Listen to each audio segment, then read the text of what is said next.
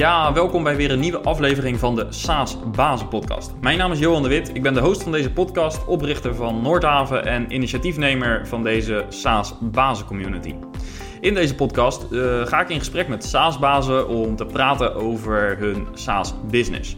Ik praat met hun over hun rol binnen het bedrijf. Ik praat met ze over marketing, sales, productontwikkeling, customer succes, funding en eigenlijk alles waar een SaaS-baas mee te maken heeft. En vandaag hoor je dus ook zo'n SaaS-baas, Mark Visser van InnoSight. InnoSight is een early stage fintech startup. Dat is een, eh, dat is een mooi woord. Um, en uh, hij zit met zijn bedrijf in de pre-launch fase. Dus kortom, een spannende fase. Ik praat met hem over zijn ervaringen als oprichter van een SaaS-startup. En ik uh, vraag hem ook hoe hij op het idee is gekomen. Hoe is het idee voor InnoSight ontstaan? Welk probleem lost het op en voor wie? En ook hoe heeft hij het product ontwikkeld en waar staat hij nu precies? En welke rol heeft hij binnen zijn organisatie? Nou, hij startte zelf in de bankaire wereld, waar hij een dienstverlenende rol had. En hoe is het nu voor hem om als uh, SaaS-baas een eigen product business te hebben? Uh, ik ben benieuwd natuurlijk naar zijn uh, reactie daarop en je gaat die reactie zo dus ook horen. Uh, tot slot deelt hij ook zijn tips voor andere SaaS-bazen. Kortom, een waardevol interview voor mensen in een soortgelijke positie.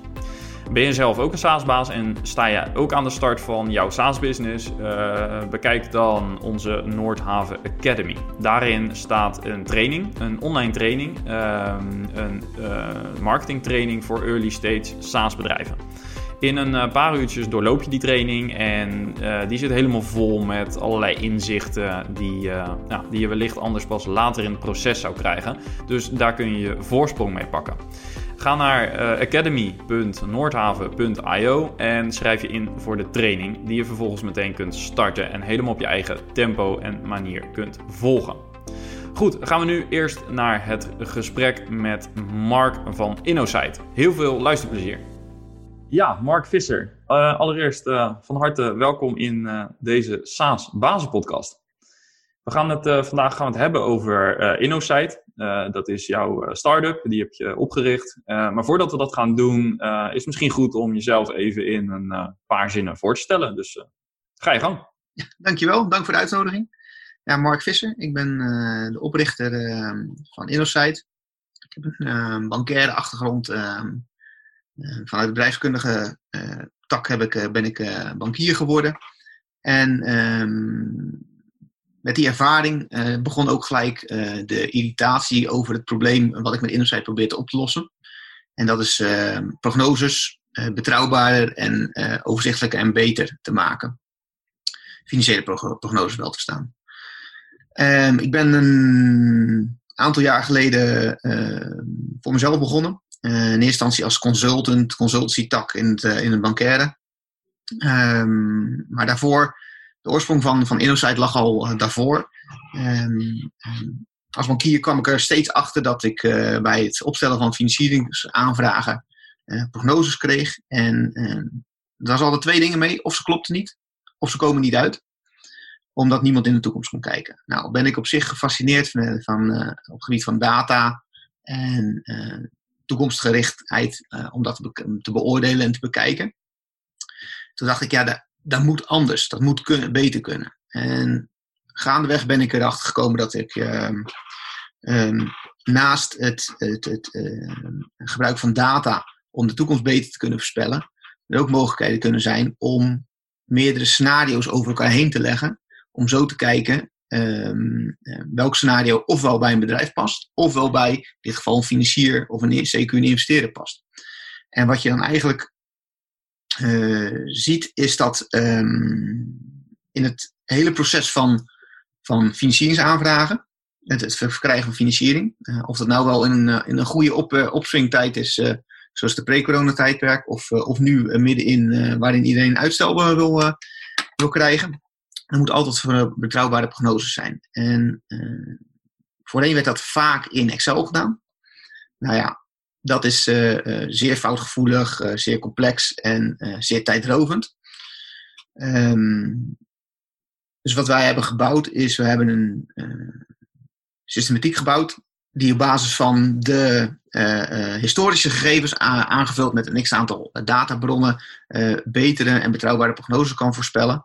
Um, ook omdat het op gebaseerd is op meerdere soorten scenario's. En wat, wat dat vooral wat meerdere soorten scenario's uh, van belang is, is omdat een financier of een investeerder die runt nadat hij de informatie heeft gekregen van een ondernemer, runt die ook nog een keertje zijn eigen soorten scenario's om, om te kijken of er of de, wat de remweg is, uh, in hoeverre de omzet kan tegenvallen, noem het maar allemaal op. Ja. Wij hebben dus eigenlijk vanuit dat oogpunt ook gekeken. We hebben dus eigenlijk alle soorten scenario's die, die, die je kan voorstellen, die kan je dus binnen ons systeem zeg maar, inbouwen. Dus om bepaalde soorten, um, nou ja, noem eens even het, het, COVID-principe. Uh, Niemand ziet dat aankomen, maar je kan natuurlijk wel een scenario bedenken waarbij je zegt, oké, mijn omzetterugval is 50, 60 procent. Wat heeft dat gewoon gevolgen? En niet alleen voor, voor, voor uh, alle financiële gegevens, maar ook voor voornamelijk ook natuurlijk cashflowmatig kijken en voor je ratio's kijken. Uh, en hoe verder dat herstelt. Um, vanuit, eigenlijk zeg maar dus, dus vanuit de irritatie dat, dat, dat prognoses niet klopten of niet uitkwamen, zijn we dit uh, gestart. En dat is nu uitgegroeid in, tot een product puur softwarematig. want Ehm, uiteraard komt de vraag over, kan je ook uh, advies uh, daar, uh, daarover geven, komt ook te sprake. dat doen we eigenlijk niet meer, omdat we deze tool ook echt daadwerkelijk willen bouwen voor het segment, voor de doelgroep die opgesteld staat om, om advies te geven aan ondernemers. En dat, ja, dus dat zijn dan accountants en boekhouders, financieel adviseurs, dat soort. ja, onder andere. Want er zit natuurlijk daar ook een soort van shift uh, zit daarin. Waar je voorheen um, als, als regulier bedrijf, en of ging je naar een bank of je ging naar een, ehm, een investeerder toe om te vragen of je investeerders of, of je financiering nodig kon krijgen. Um, die tak van sport die wordt steeds meer verschoven naar het accountancy, zeker de bedrijfsadvies tak. En die tak, die, die, die, die, die, ja, de groeit en bloeit. Hè. Dan zie je ook in de accountancy sector zie je natuurlijk steeds meer een, een shift van, van administratie naar advies. Ja, ze moeten meer gaan adviseren en iets minder. Want, want de, de, administratie, het verwerken van facturen en dergelijke is toch geautomatiseerd. Uh, Steeds meer. Dus daar kunnen ze niet meer. Uh, dat, dat is geen gezond onderdeel meer van de dienstverlening. Zeg maar. Nee, toegevoegde waarde leveren kunnen ze op dat moment uh, veel beter door, door, door um, ja, klanten verrassen, klanten meedenken, kritisch zijn en dat soort zaken. Ja, en dus die prognoses maken. Ja. Dus, en, dat en de andere shift is eigenlijk natuurlijk ook steeds meer naar uh, andere alternatieve bronnen van financiering. En dan noem je even crowdfunding hem even in het bijzonder, maar dat is gewoon een voorbeeld.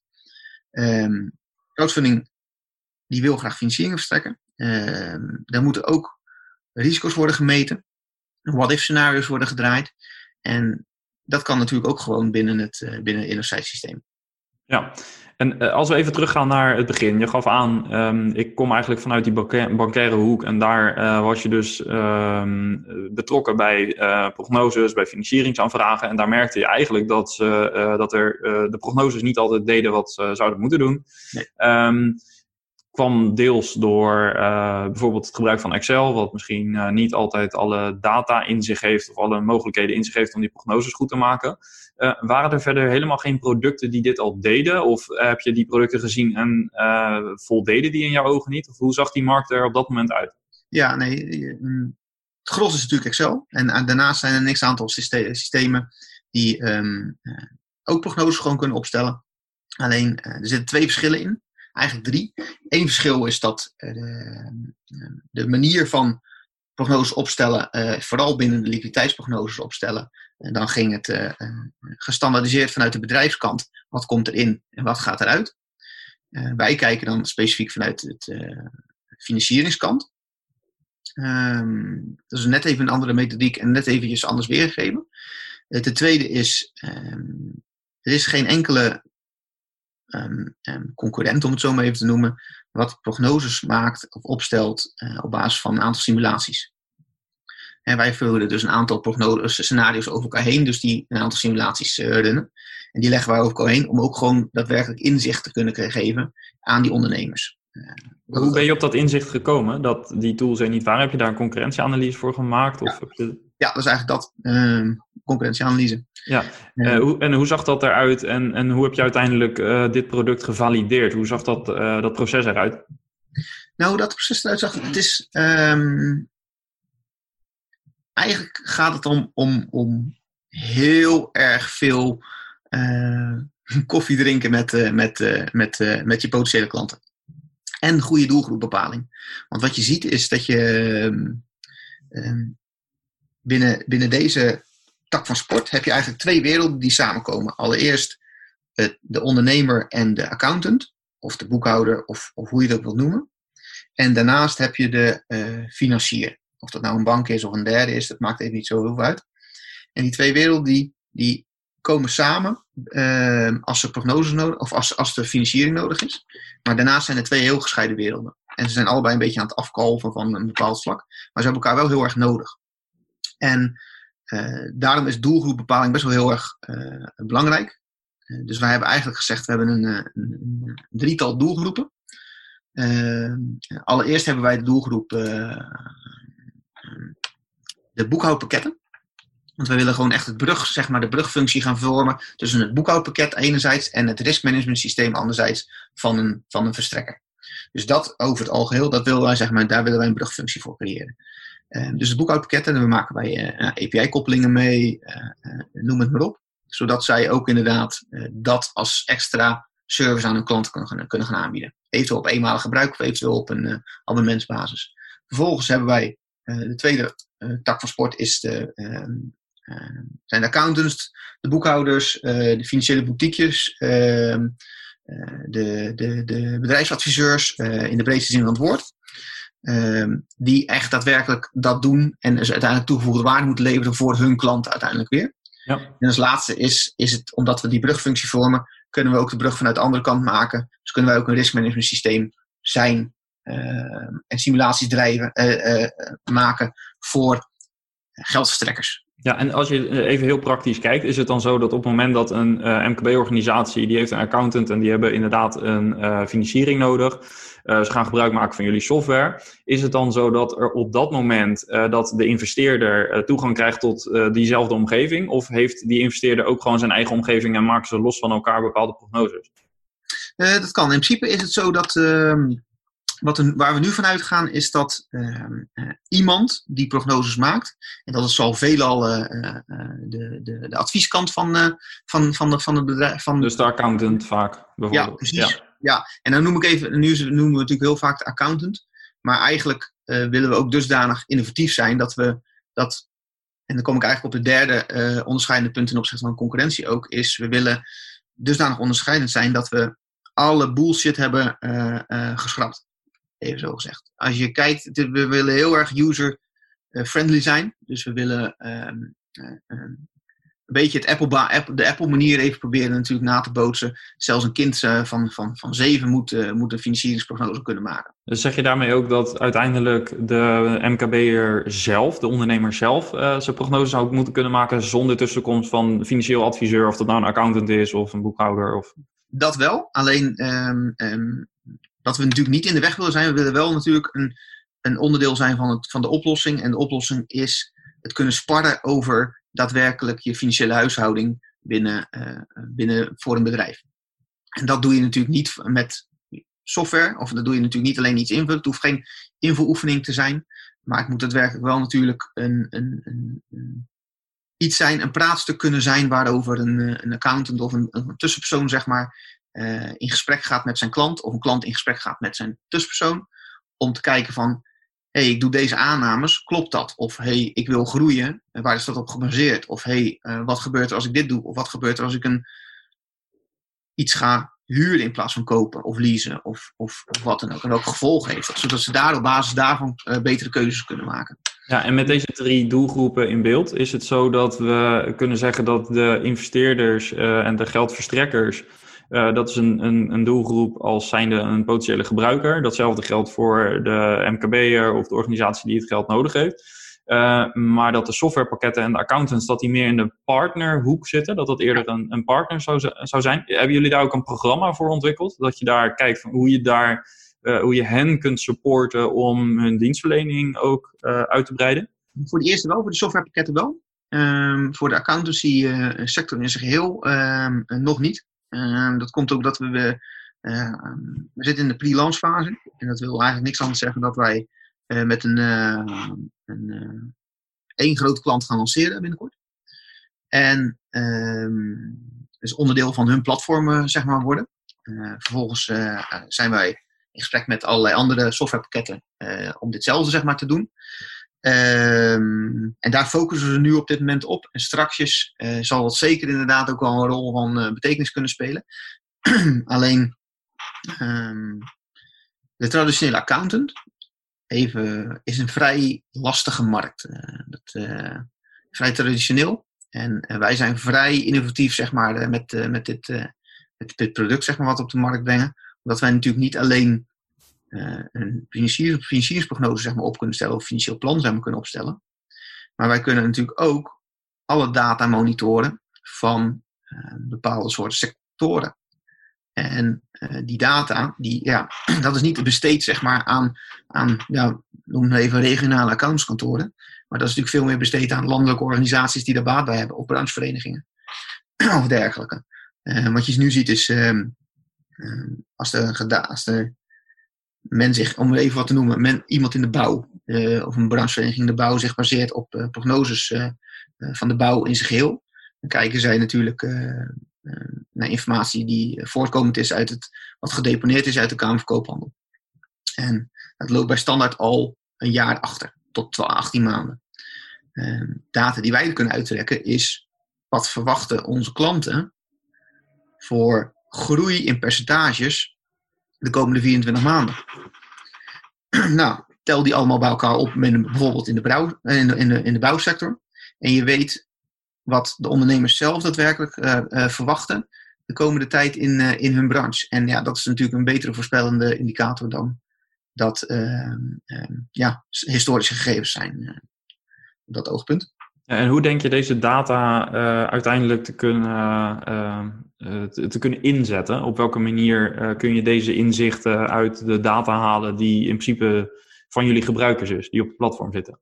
Ja, nou, de data zelf is natuurlijk niet van onze, is niet, is van onze gebruikers, is, is niet van ons. Daar doen wij voor de rest ook niet zo heel veel mee. Alleen waar ik wel heel geïnteresseerd in ben, is wat een ondernemer verwacht te investeren. En dan niet in absolute getallen, uh, maar in, in, procenten, in procenten ten opzichte van wat hij hiervoor heeft gedaan. En die data, dat, die tussenliggende data, die onttrekken wij, die kunnen wij onttrekken op een bepaalde manier.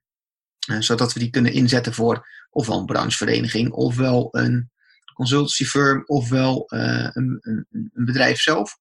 Zodat ze weten eh, hoe, die branche, hoe, de, hoe de verwachtingen in die, binnen die branche zijn. Moet je wel eventjes daarbij vertellen, is dat is, dat is niet ons primaire, uh, uh, ons primaire bedrijfsmodel.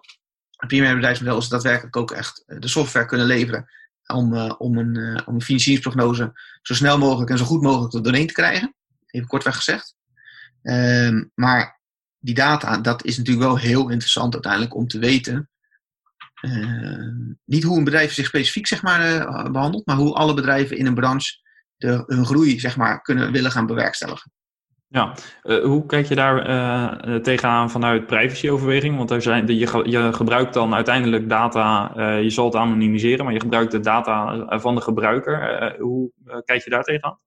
Ja, dat is een goede vraag. Um, ik wil ook absoluut geen data van, van, van de data blijft van, van daadwerkelijk de bedrijven die, uh, die, die het gebruiken. Daar ben ik ook helemaal niet in geïnteresseerd. We gooien ook echt alle data zeg maar, die ze als invoer gebruiken, gooien we ook weg.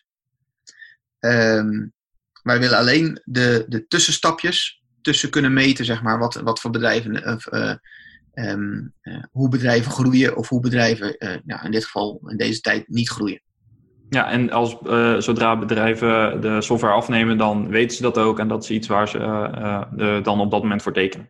Ja, ja, en heel specifiek, als mensen het niet willen, of als bedrijven het niet willen, of als accountancy het niet willen, of, of, of wie dan ook, dan doen we het niet. Dan, hè, dan, dan, dan, dan, dan gaat het hekje gewoon dicht, uh, wat dat betreft. Ja, alright. Dan sluiten we die data niet.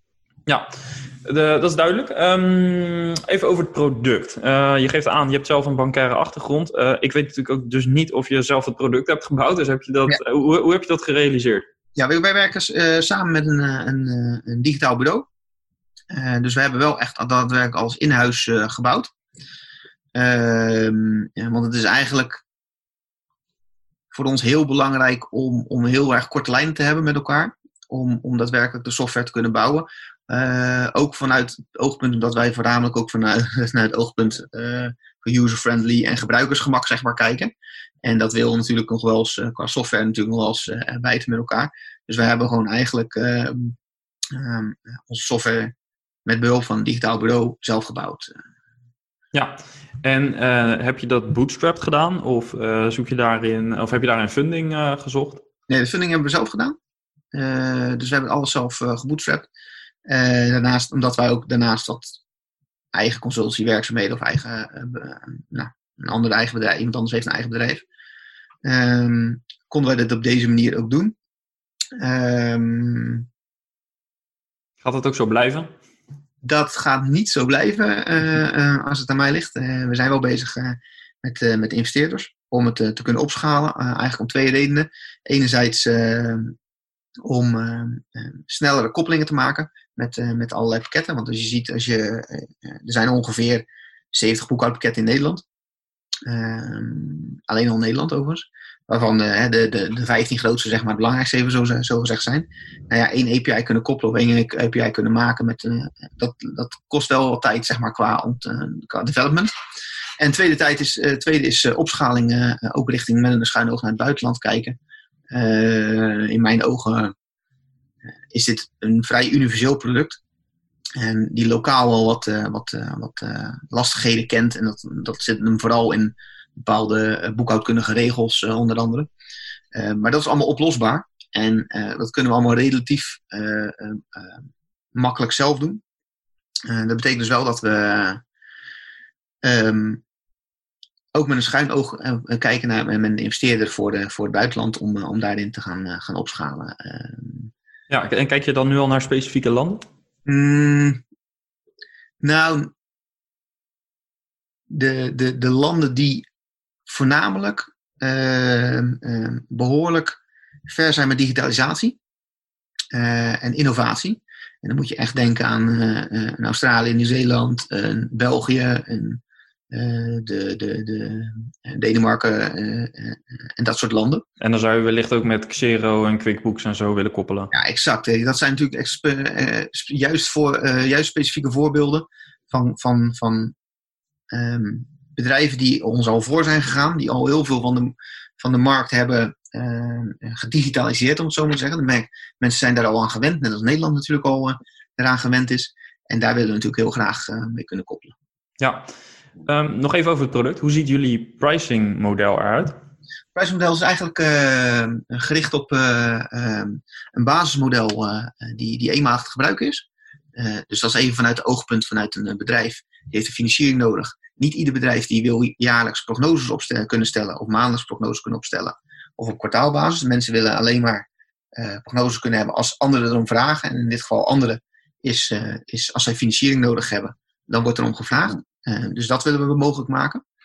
Um, daarnaast hebben we de abonnementsvormen voor, de, voor iedereen die het voor andere bedrijven doet. Dus alle tussenpersonen of alle adviseurs. En dat, dat valt dan uiteindelijk in, in een bepaald soort basispakket. En dat valt uiteindelijk ook in een soort van white label pakket uh, uiteen.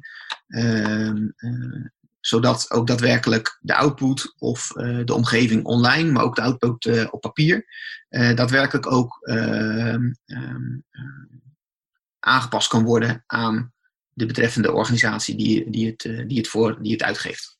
Ja, dus met white label uh, uh, kun je ook wat makkelijker aan die partnerkant uh, stappen zetten. Ja, kijk, voor ons is dat niet zo heel probleem om het white label te maken. Daar hebben we al rekening mee gehouden in, in, in, in de software. Is het ook multi-tenant? Dat een bepaalde organisatie gewoon meerdere accounts kan aanmaken waar binnen weer prognoses gemaakt kunnen worden? Dat zou ook nog kunnen, inderdaad. Uh, die opzet is ook allemaal gemaakt. We hebben geprobeerd om de software zo dusdanig uh, flexibel te maken.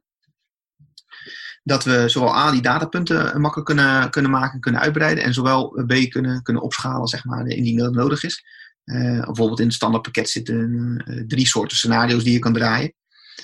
Ehm, maar dat voor, ons qua software maakt het niet uit of het nou drie soorten zijn of tien soorten scenario's die, die je kan nabootsen. En in de structuur heb je rekening mee gehouden dat uh, wellicht uh, uh, inderdaad bijvoorbeeld de adviseurs of de investeerders meerdere omgevingen willen beheren, al of niet bij het label. Ja. ja. Um, ik ben ook even benieuwd naar um, jouw rol. Hè? Je komt vanuit een dienstverlenende, ja, dienstverlenende situatie eigenlijk, waar je adviseur was. Um, ook nog vanuit je freelance rol daarin. Nu sta je aan het roer van een SaaS-club. Ik noem je dan een SaaS-baas. um, wat, wat, is tot nu toe, wat heeft je tot nu toe het meest verrast aan het bouwen van zo'n SaaS-oplossing?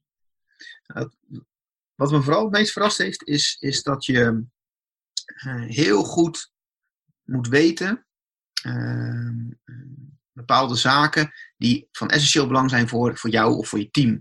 Uh, of voor de mensen zoals klanten of andere stakeholders, zoals investeerders.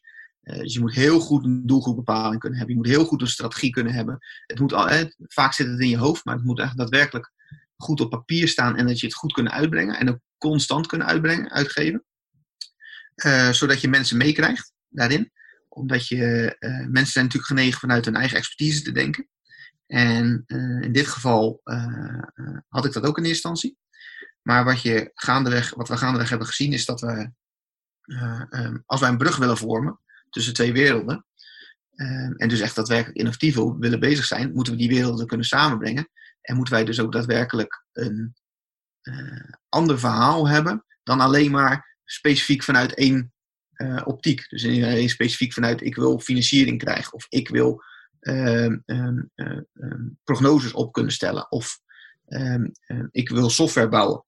Of ik wil content kunnen maken. En dat betekent dus dat je wel een, een, een, duidelijke strategie moet hebben en ook echt daadwerkelijk ook de mensen daarin moet meenemen constant. En dat is als dus in eerste instantie ook wel valkuil. En, is dat je tegengevallen, hoor je dat ook zeggen? Nou, wat me vooral, nou, nee, dat is me nog niet zozeer tegengevallen. Dat is op zich adaptable. Ehm, wat me vooral tegengevallen is, is, is, de specifieke twee dingen eigenlijk allereerst, het zit redelijk in mij zelf opgesloten dat ik het allemaal zelf wil doen. Maar je moet echt de weg even kunnen, je moet echt even de weg vragen aan anderen. Dus daar moet je zeker niet bang voor zijn. Want anderen weten het gewoon in ieder geval op dat onderdeel, dus beter dan dat jij dat weet. en het tweede is ehm, dat en dat is ook dankzij de bootstrap, bootstrapping is, dat is gekomen, is het plan hoe het aan het begin was. wereldveroverend, groots, en meeslepend, alles kan, alles mag. Ehm, dat kan niet. Heel simpelweg gezegd, je moet echt voor een specifieke doelgroep moet je het maken. En dan moet je het ook bepaalde keuzes daarin in maken. In dit geval hebben wij de keuze gemaakt om het, om het zoveel mogelijk te ontdaan van allerlei ballast. Dus om, om, om de procesflow zo, zo optimaal mogelijk te maken, uh, dat we binnen een kwartier zeg maar, een financieringsprognose kan, kan opstellen. Dat is eigenlijk een financieel plan, want uiteindelijk komt ook een PDF uit. En wat, wat bedoel je daarmee? Heb je, betekent dat dat je bepaalde nice-to-have features hebt weggehaald? Of hoe moet ik dat zien? Ja, eigenlijk, uh, en dat zagen we vooral in de concurrentieanalyse, is dat, ehm, en softwarematig is dat natuurlijk ook nog weer best wel een, een punt van aandacht is, uh, alles kan gebouwd worden en overal kan wel weer een knopje voor gevonden worden, wat uiteindelijk wel weer tot iets kan leiden. Dat, wijkt, dat, dat, dat zorgt allemaal voor, voor ballast en zorgt allemaal voor oh, um, um, ja, tijd gespendeerd zeg maar, in de software om dingen uit te kunnen zoeken. En dat willen we niet. We willen gewoon zo snel mogelijk, dat, dat we zo user-friendly mogelijk zijn, dat we echt uiteindelijk weten, oké, we kunnen nu verder of we kunnen nu terug, maar we kunnen ook voor de rest geen andere mogelijkheden, mogelijkheden bieden. Um, dat betekent ook wel dat, dat sommige dingen van maatwerk eh, dan afvallen natuurlijk. Uh, en als je dan kijkt naar de, eh, de markt die wij bedienen, wat voor soort maatwerk valt dan af, is vooral internationale bedrijven of hele grote bedrijven. Hè? Dan heb je het echt over 100 miljoen plus omzet, die op een andere manier georganiseerd zijn. Dat valt dan af, omdat die wel echt specifieke maatwerkopties uh, zoeken. En uh, nou, dat dwingt dus wel om de keuze om te gaan voor massa bij ons. Ja, en hoe ga je dat proces bewaken? Dat jullie ehm, zo blijven zitten op alleen de essentiële features. en dat het, wat ik een beetje hoor zeggen, is ook moet voor een groot deel van de klanten moet het van waarde zijn. Anders moeten we er nog eens op z'n zacht gezegd goed over nadenken of we het wel willen. Ja. Ehm, in een groeiende organisatie, hoe, ga, hoe wil je dat proces gaan bewaken? Ja, dat is, wel, dat is een goeie. Dat is. Uh, enerzijds denk ik dat we dan. Uh, je kan twee dingen opgaan. Je kan natuurlijk de breedte uh, oppakken. Als je zeg maar een, een, een, bedrijfskolom kijkt en je, je hebt je plek in de bedrijfskolom gevonden, dan kan je de bredere kant zeg maar op. Hè. Dus je kan ook zeg maar van je, van je, van je, van je, leverancier en van je, van je afnemer zeg maar kan je, kan je die kant op gaan. Dan kan je bruggen tussen bouwen. Maar je kan natuurlijk ook gewoon eigenlijk alleen naar de diepte toe gaan. Wat wij wel hebben is, we hebben een, een drietal uh, markten, zeg maar, die heel erg nauw verbonden zijn met elkaar, hebben wij ehm, benoemd als, als prioriteit. De ene zijde is dat de financieringsmarkt. Dus dat werken eigenlijk echt, eh, echt de banken, vreemd geloven, dat soort zaken. De tweede is de start-ups en de, de, de investeerderskant. Dus echt vanuit de investeerderskant kijken. Ik hoor ook andere met, metric, metrics onder andere bij. Um, en de derde kant is de uh, waarderingskant. Dus als je een aandeel in een bedrijf wilt waarderen, even zo gezegd. En die drie, daar maken we dus alle drie verschillende portalen voor. Dus we proberen het wel. En de engine is hetzelfde. Maar aan de voorkant is het portaal zeg maar uh, compleet verschillend.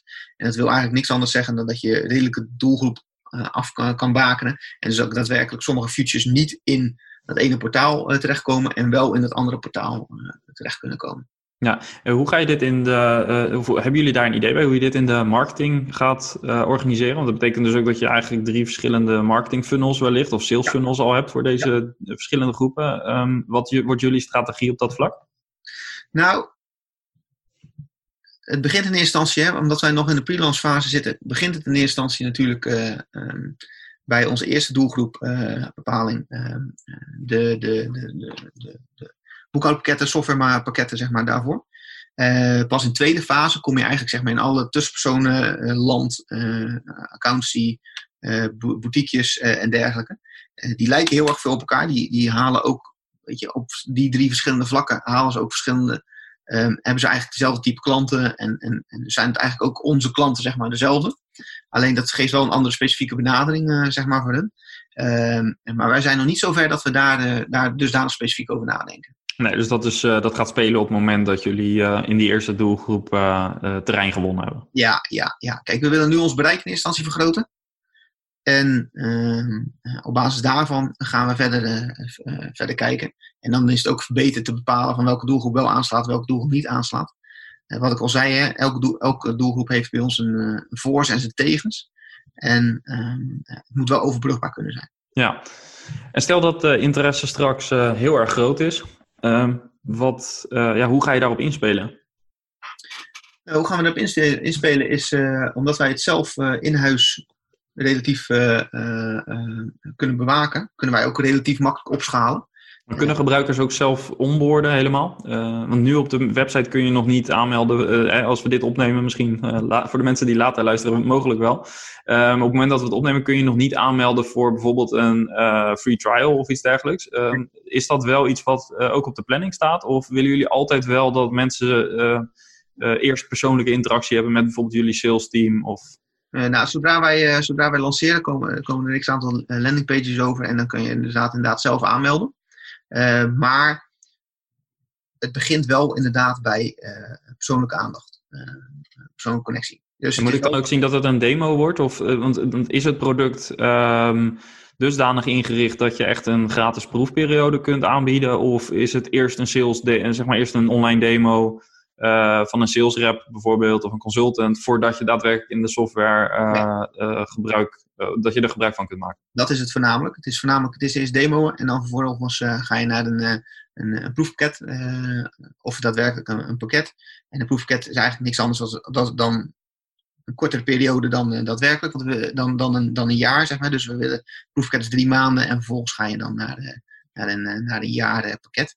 En op zich zit daar niet zo heel veel verschil in qua features of, of wat dan ook. Want we willen het zo plat mogelijk maken en willen die, willen, willen de, de, de lat zeg maar, zo laag mogelijk leggen om daadwerkelijk uh, klanten te kunnen onboorden. qua onboarding zelf heeft het helemaal niet zo heel veel voeten in de aarde, want we, proberen dusdanig die connecties te maken met een boekhoudpakket. We kunnen ook al, en dat kan vanuit elk boekhoudpakket nu al, kan er bepaalde data worden uitgegeven en dat kunnen wij gewoon inlezen. Ja. Uh, waarom kies je voor kwartaal- of jaarpakket? Hebben jullie ook overwogen om uh, het uh, per maand aan te bieden? Nou ja, maar dan, dan zit je op een gegeven moment meer bij het, het verhaal dat 70% van uiteindelijk onze uiteindelijke markt, hè, het Nederlandse bedrijfsleven, die hoeft niet specifiek een prognose zeg maar, op te stellen, um, wil daar niet specifiek inzicht in hebben. En daar hebben ze allerlei andere indicatoren zoals BI of wat dan ook voor. Um, maar als ze een prognose nodig hebben, dan moet dat er op een gegeven moment in één keer snel en goed zijn. En wanneer hebben zij een prognose nodig? Als er, voornamelijk als er financiering of investering of als er iets in het bedrijf gebeurt, zoals een wisseling van aandeelhouder, om even wat uh, specifiek te noemen. Um, maar dat gebeurt maar één keer gemiddeld, één keer in de zeven jaar. Dus het is, of het nou een maand is of drie maanden is, dat maakt voor ons niet zo heel veel uit. De noodzaak is er om een prognose op te stellen. Wij geven die mogelijkheid. Daar kan je dan iets langer over doen, dat je daar drie maanden over kan, kan doen. Eh, en vervolgens ga je daar gewoon in een pakket mee uh, doorrollen. Ja, als je kijkt naar retentie, um, dan zou dit mogelijk uh, een, een, een wat issue kunnen zijn misschien. Want Op het moment dat we kijken naar uh, echt typische SaaS-bedrijven, dan zie je natuurlijk dat uh, retentie misschien nog wel de belangrijkste metric is. Misschien soms nog wel belangrijker dan acquisitie. Natuurlijk moet je ook zorgen dat je nieuwe gebruikers op je platform krijgt. Ja. Maar op het moment dat je geen goede retentie hebt, een hoge churn rate, zeg maar even in SaaS-termen, is dat vaak uh, dodelijk. Heb je een beetje een beeld hoe je dat gaat opvangen? Want dan zit er voor een SaaS-bedrijf zit er relatief weinig continuïteit in, als ik het zo ja. hoor. Ja, nou, dat zijn eigenlijk twee manieren uh, die we dat proberen op te, op te pakken. Enerzijds um, um, geven wij, althans, uh, wij kunnen nog wat consultancy geven. lees, wij kunnen zeg maar de rol van de tussenpersoon overnemen om een prognose op te stellen. Dus op die manier proberen we onze sales zeg maar, enigszins om, omhoog te, te, halen. En anderzijds proberen we echt daadwerkelijk um, um, partnerships aan te gaan met al die tussenpersonen, al die boutiques, die wel voor hun klanten allerlei um, opstellen. Zodat zij, en dat, dan, dan, dan bieden wij niks aan te voordelen, zeg maar nog, zodat zij geen dat ze niet eenmalig iets afnemen, maar gewoon echt daadwerkelijk een, een, een pakket afnemen.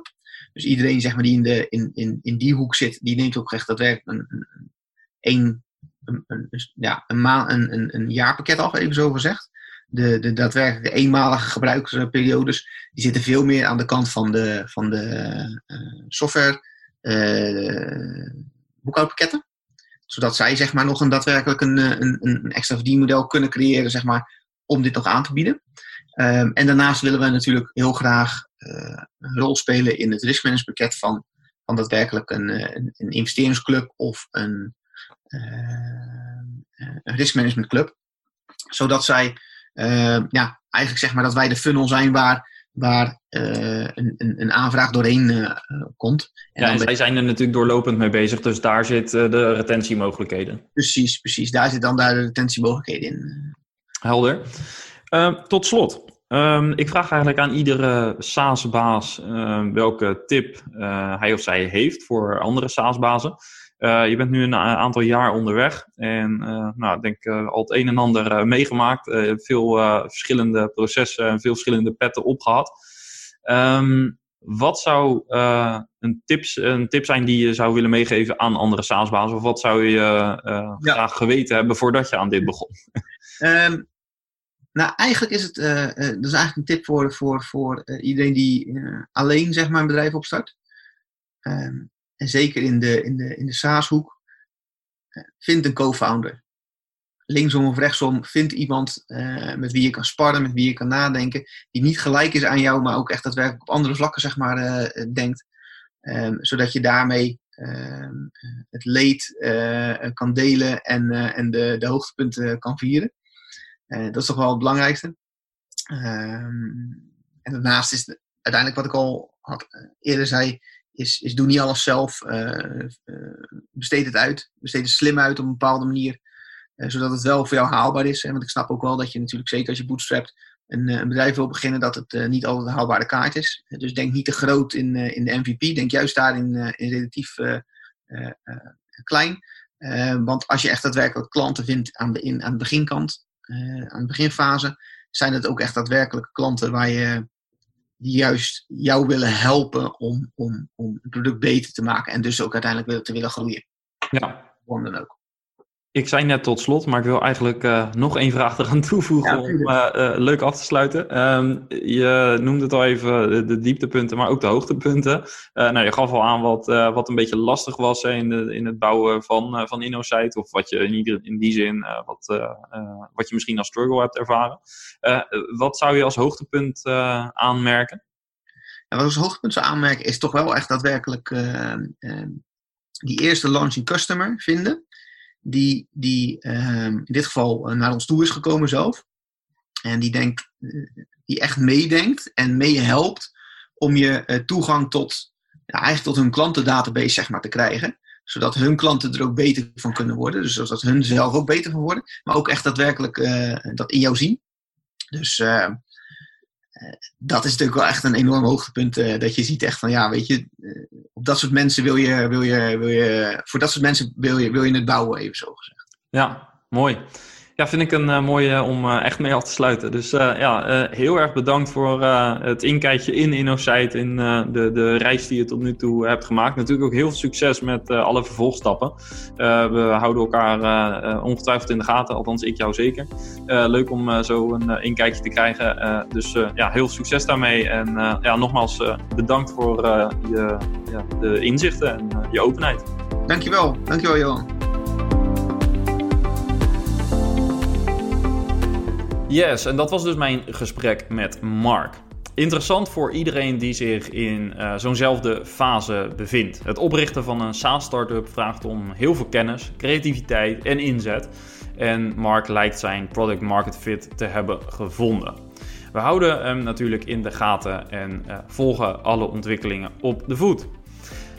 Tot slot, deze podcast wordt mede mogelijk gemaakt door Security. Security is onze IT-security partner en zij helpen softwarebedrijven met het beveiligen van applicaties. Uh, heb jij zelf dus ook een SaaS-applicatie en ben je benieuwd naar de veiligheid ervan of uh, heb je hulp nodig bij uh, het beveiligen van die applicatie? Bekijk de website op security.nl voor meer informatie. Nou, ben je zelf ook een SaaS-baas en wil je, andere, uh, wil je in contact staan met andere mensen die uh, aan het roer staan van een SaaS-bedrijf? Uh, vraag dan een lidmaatschap aan voor de SaaS-bazen community. Dat is een online community waar je rechtstreeks in verbinding staat met mij en mijn team, maar veel belangrijker met de andere SaaS-bazen die ook member zijn van deze community. Ga naar community.saasbazen.nl en vul een aanvraagformulier in.